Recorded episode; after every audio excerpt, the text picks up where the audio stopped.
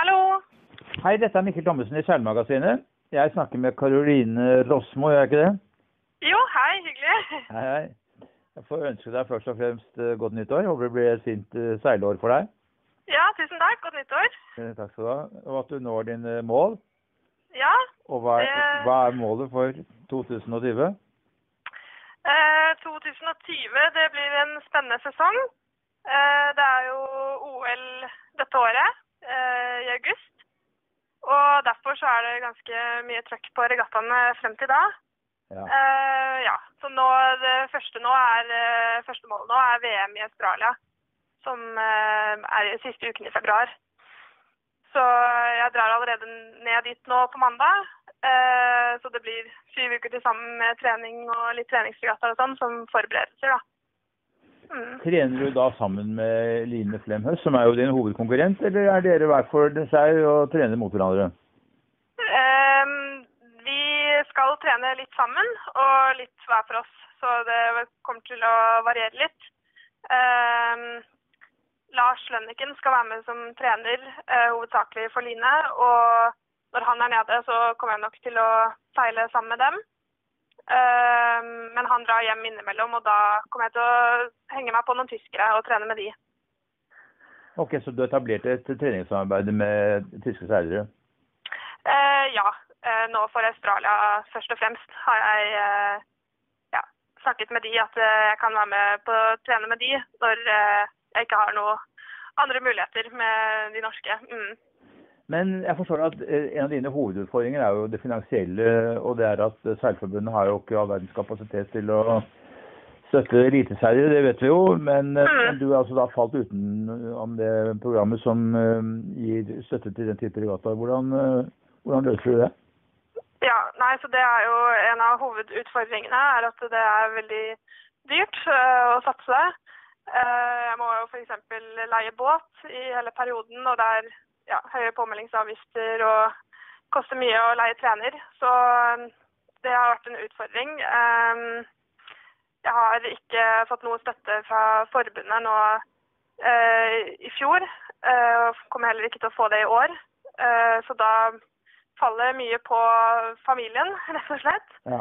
Eh, og så har jeg også støtte fra seilforeningen min Bunnefjorden, Ja. eh, som støtter meg. Eh, ja. Og så ellers så må jeg prøve å få inn penger på andre måter også. Uh, prøve å få noen private sponsorer, uh, noe som dessverre ikke er så veldig lett. Ja, og så skal jeg nok opprette noe sånn spleis og sånn for å prøve å få inn litt penger. Mm, for at det skal være mulig. Mm. Hva koster det denne turen til Australia med leiebåt og opphold og alt? Eh, estimert så kommer det til å koste opp mot 80 000. Bare denne turen her. Ja. Mm. Mm. Så man kan tenke seg at det er en sesong, det er ganske dyrt. Ja. Det er eh, budsjett på omtrent eh, 350 000 for en sesong. Mm. Eh, man skal ikke spørre en dame hvor gammel hun er, men jeg gjør det likevel. Jeg, er jeg, jeg vet jo at du er ganske ung, og du har holdt på en god stund. og Du har vært kjent i seilmiljøet en stund, men hvor gammel er du egentlig nå? Nå har jeg akkurat fylt 22 for et par dager siden. Mm. Og du er medisinstudent, er du det? Ja, jeg har eh, begynt å studere medisin i 2017 og er ferdig med to og et halvt år. Ehm, jeg studerte først fulltid i to år, og så tok jeg permisjon nå eh, våren 2019 for å satse mer på seilingen. Mm. Og for å ha tid til å dra på alle disse regattaene som ja, de fleste ligger på våren i semesteret. Så det er, ikke, det er ikke så mye på sommerferien lenger, sånn som det var i junior. Nei. Mm. Jeg har fulgt deg resultatmessig og ser at du har jo nærmet deg Line en god del denne sesongen. Og du har vel slått henne i enkeltseilaser. Ikke i en hel serie, men i enkeltseilaser så har du vist at du kan hamle opp med henne. Mm. Hvordan ser du på det fremover? Ja, nei, eh, jeg ser jo at eh, jeg har eh, denne sesongen som har vært nå, vist at jeg kan være oppe i enkelte regattaer. Eh, Og da har det spesielt vært når det har blåst litt mindre. Eh, Min svakhet har vært eh, når det har vært sterkere vind, og det er en svakhet som på en måte ble tydelig nå i senior i hvert fall, fordi det er ganske tøft nivå.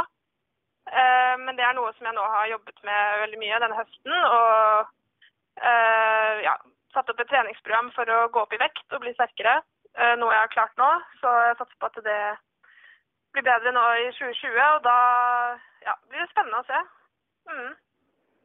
Hva mener du at bør være matchvekt for en god laserradialseiler?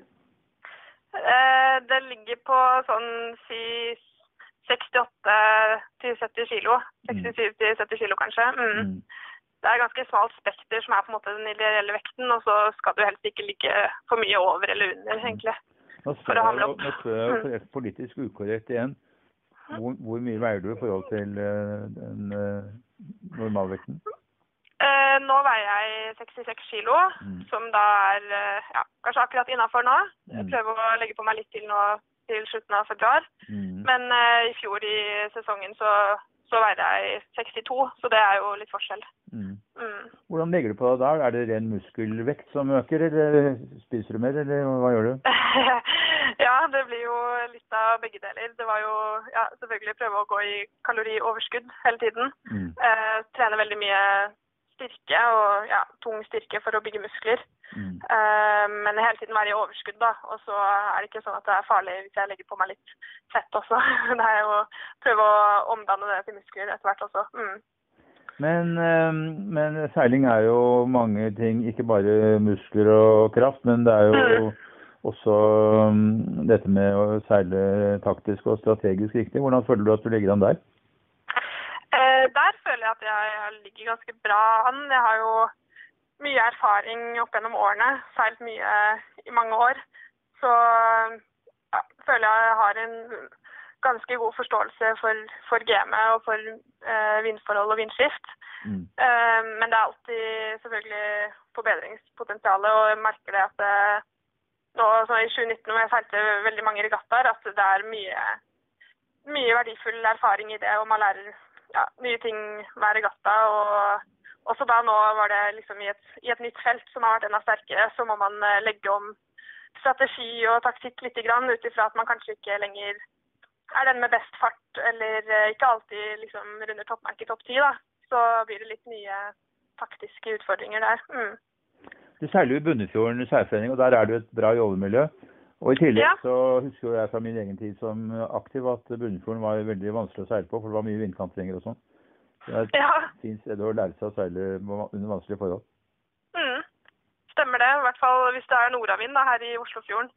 Så blir det jo fort mye skift og mye trykkforskjeller. Eh, ja. Og så ellers så er det jo Med sønnavind har vi liksom lært solgangspris og litt mer sånn oscillerende vindforhold, så vi har litt av hvert. Uh, ja. Men uh, generelt så er det jo utfordring at det ofte er lite vind og ganske lite bølger, da. Så greit å komme seg bort og seile andre steder også, om man finner andre forhold. Du er 22 år, det er jo ikke all verdens alder det når det gjelder eh, kan du si, et karriereperspektiv innenfor seiling. og mm. Hvis du nå ikke skulle klare å tatt ut i Tokyo, fortsetter du videre da med tanke på Paris i 2024, eller? Ja, det er det som er planen. Uh, trives veldig godt med å seile og syns det er veldig morsomt. Og føler ikke at jeg er ferdig med det i det hele tatt. Så uh, ja, fremover så ser jeg for meg å satse også da frem til Paris, og også ha delmål på veien. Så det kommer jo VM igjen om to år, sånn ISAF-VM, og så er det mye regattaer på veien. Mm. Eh, Seilforbundet har jo satt i gang, eller skal sette i gang i løpet av 2020 et prosjekt nettopp mot eh, Paris 24.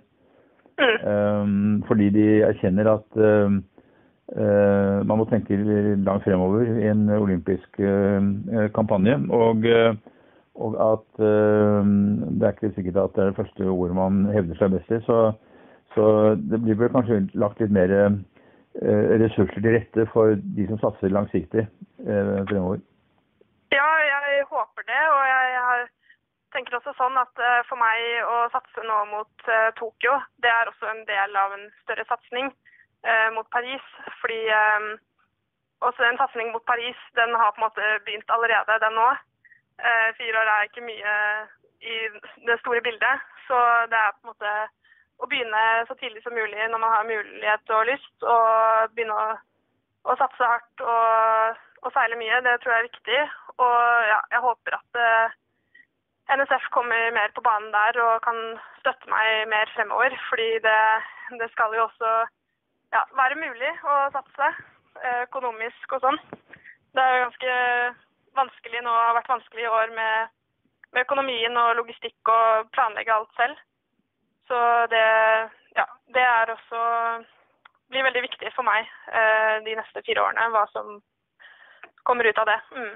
Men det er godt å vite i hvert fall at ditt videre engasjement det står og faller ikke med uh, hvorvidt du kommer til Tokyo eller ikke?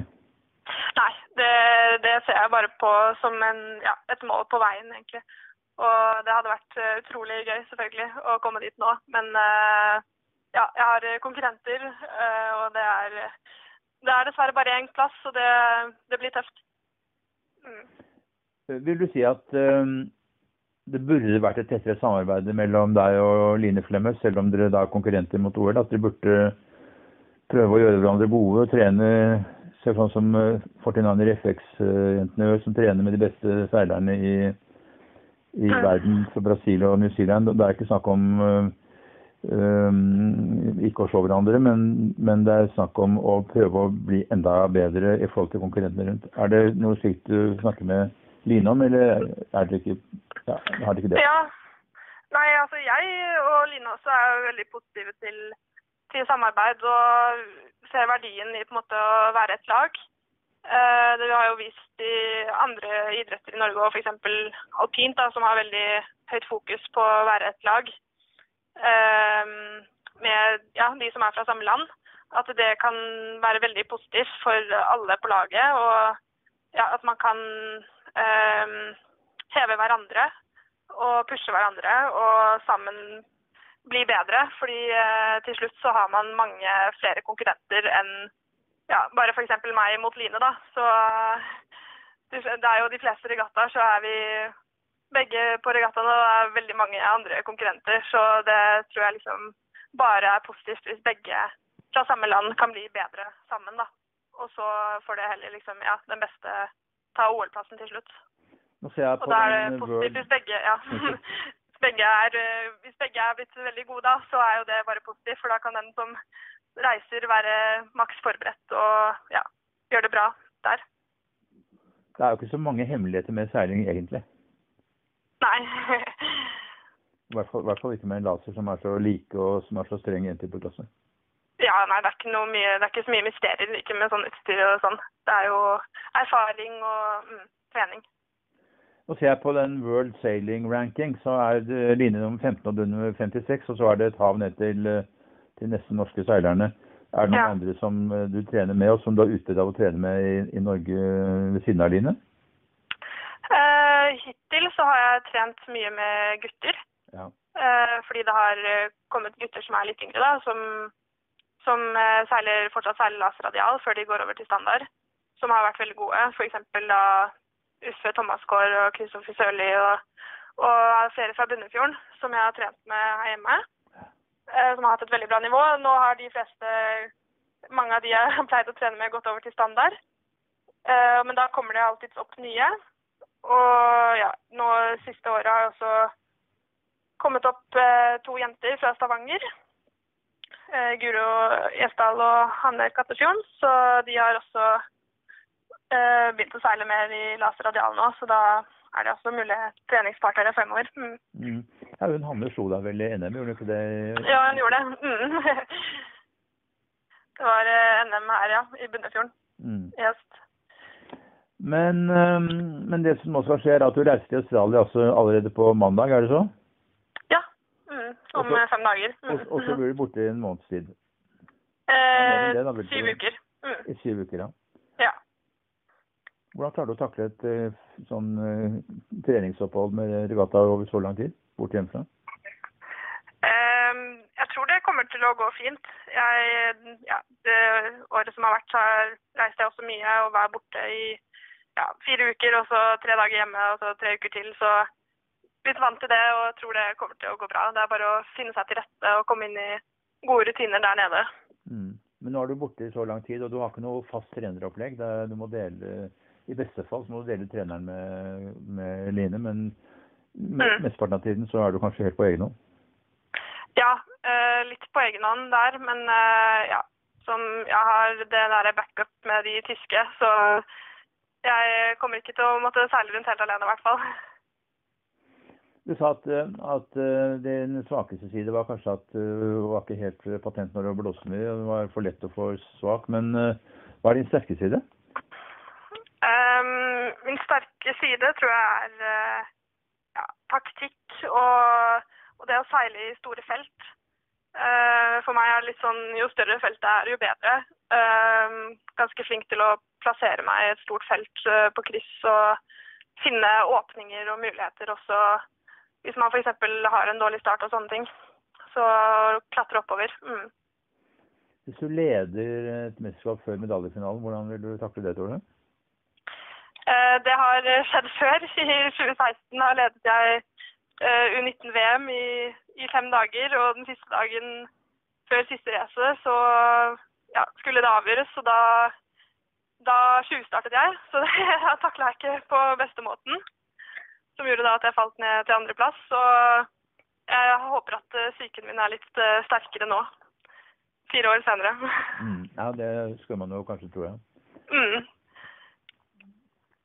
Det skal bli veldig spennende å følge deg i 2020. Eh, det, det er Seilforbundets ja. 50-årsjubileum i år, og det blir sikkert mye oppmerksomhet eh, rettet mot uh, seiling. Mm. men jeg har lyst til å spørre deg et spørsmål. Det har også igjen med økonomi å gjøre, og det snakkes så mye om i disse dager. Når du ser på frafallet f.eks. i langrennssporten og annen sport fordi at kostnadsnivået er så høyt. Ja. Hvordan tenker du man skal kunne løse det? Altså, barn som seiler i optimistrolle, har jo foreldrene rundt seg. og, og blir jo ganske godt tatt vare på. Og så skal det begynne å seile en internasjonal klasse, og mye reising. Og, og, eh, og, de kommer da i den situasjonen som du er i, egentlig. Hvor, eh, hvor de faller i et uh, tomrom, hvor de ikke får noe støtte. Annet enn dersom foreldre er villige til å, og er i stand til å kunne gi dem det. Uh, og det og det gjør det jo vanskelig. Det, det, det øker jo, det høyner jo terskelen veldig mye. Og, eh, og, det blir vanskelig for dem som ikke har uh, mulighet for å få hjelp hjemmefra til å kunne hevde seg videre. Hvordan, mm. hvordan kan man kunne løse det, tror du? Ja, nei, Det, det syns jeg er veldig leit at det er sånn. Uh, og det er akkurat sånn som du sier. Det er utrolig mange som faller av i det der eh, overgangen fra f.eks. videregående, og du liksom du blir 18 og du er litt mer ja, on your own, da. Og så er du på, på en måte ikke best i senior ennå. Uh, og da er det liksom et hull der hvor, hvor man ikke blir fanget opp. Um, som jeg, ja, det, som jeg er i nå, egentlig. Uh, så det vil jeg tro egentlig på en måte må, må bli forbundets oppgave å fange opp uh, de litt mer. Sånn at det ikke blir så mye frafall. Det er jo på klubbnivå er vanskelig fordi man seiler mye i klubben når man er yngre, og det er mange som fortsatt er med i miljøet og mange som seiler, men etter hvert så blir det tynnere og tynnere jo eldre man blir. Og, og det å liksom seile to ganger i uka i klubben, det holder ikke lenger. Så man må ut og trene mer, og, og da tror jeg det Hvis ja, det må på en måte bli litt mer organisert, slik at man kan slå seg sammen med, med alle andre i landet som eh, ønsker det samme, og dele på kostnader og ja, få ansatt en trener f.eks. og prøve å samarbeide så godt som mulig.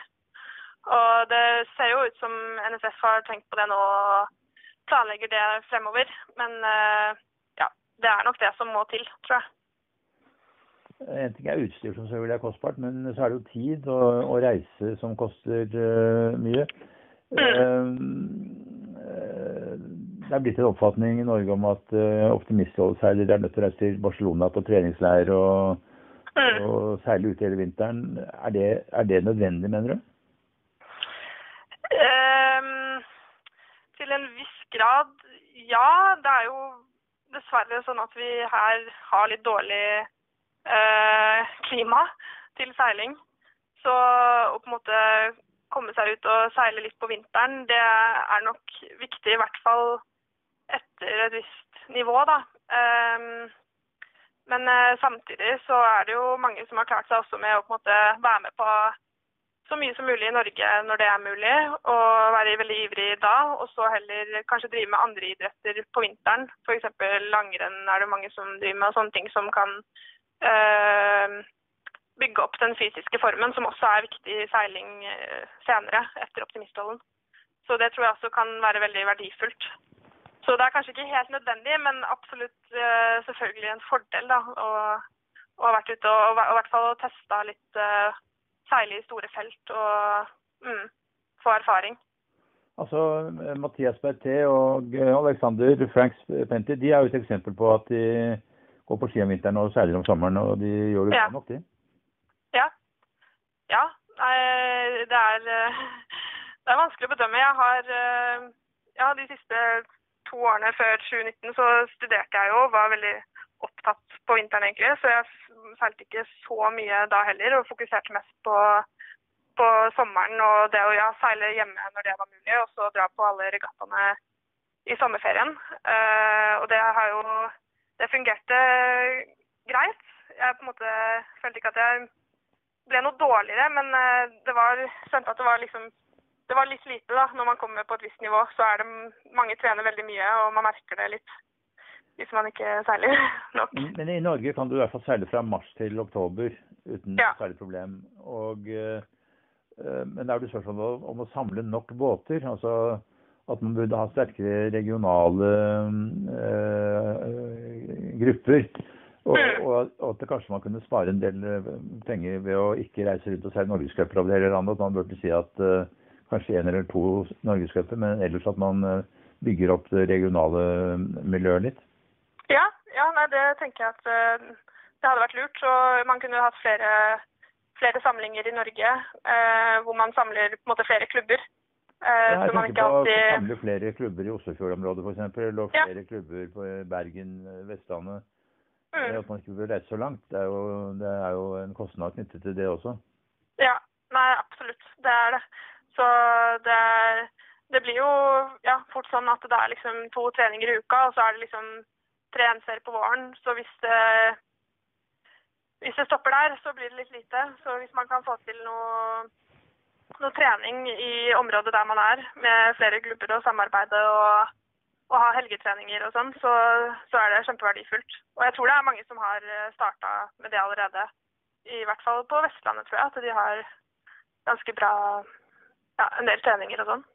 Mm. Mm. Mm.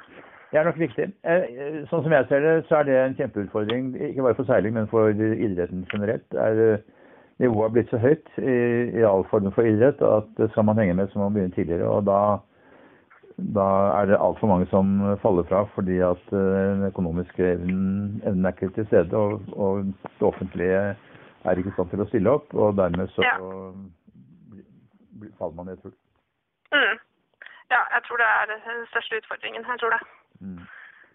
Men eh, med det som eh, avslutning så ønsker jeg deg i hvert fall lykke til i det året som kommer, og at du får et fint trenings- og regattaopphold i Australia. Ja, Og tusen så Og kommer du kommer tilbake igjen om du er nærmet deg Line. Mm. Ja, det blir spennende. Det blir spennende. Mm. Fint. Takk for samtalen. Ja, tusen takk for praten. Ja, ha det bra. Hei, ha det bra.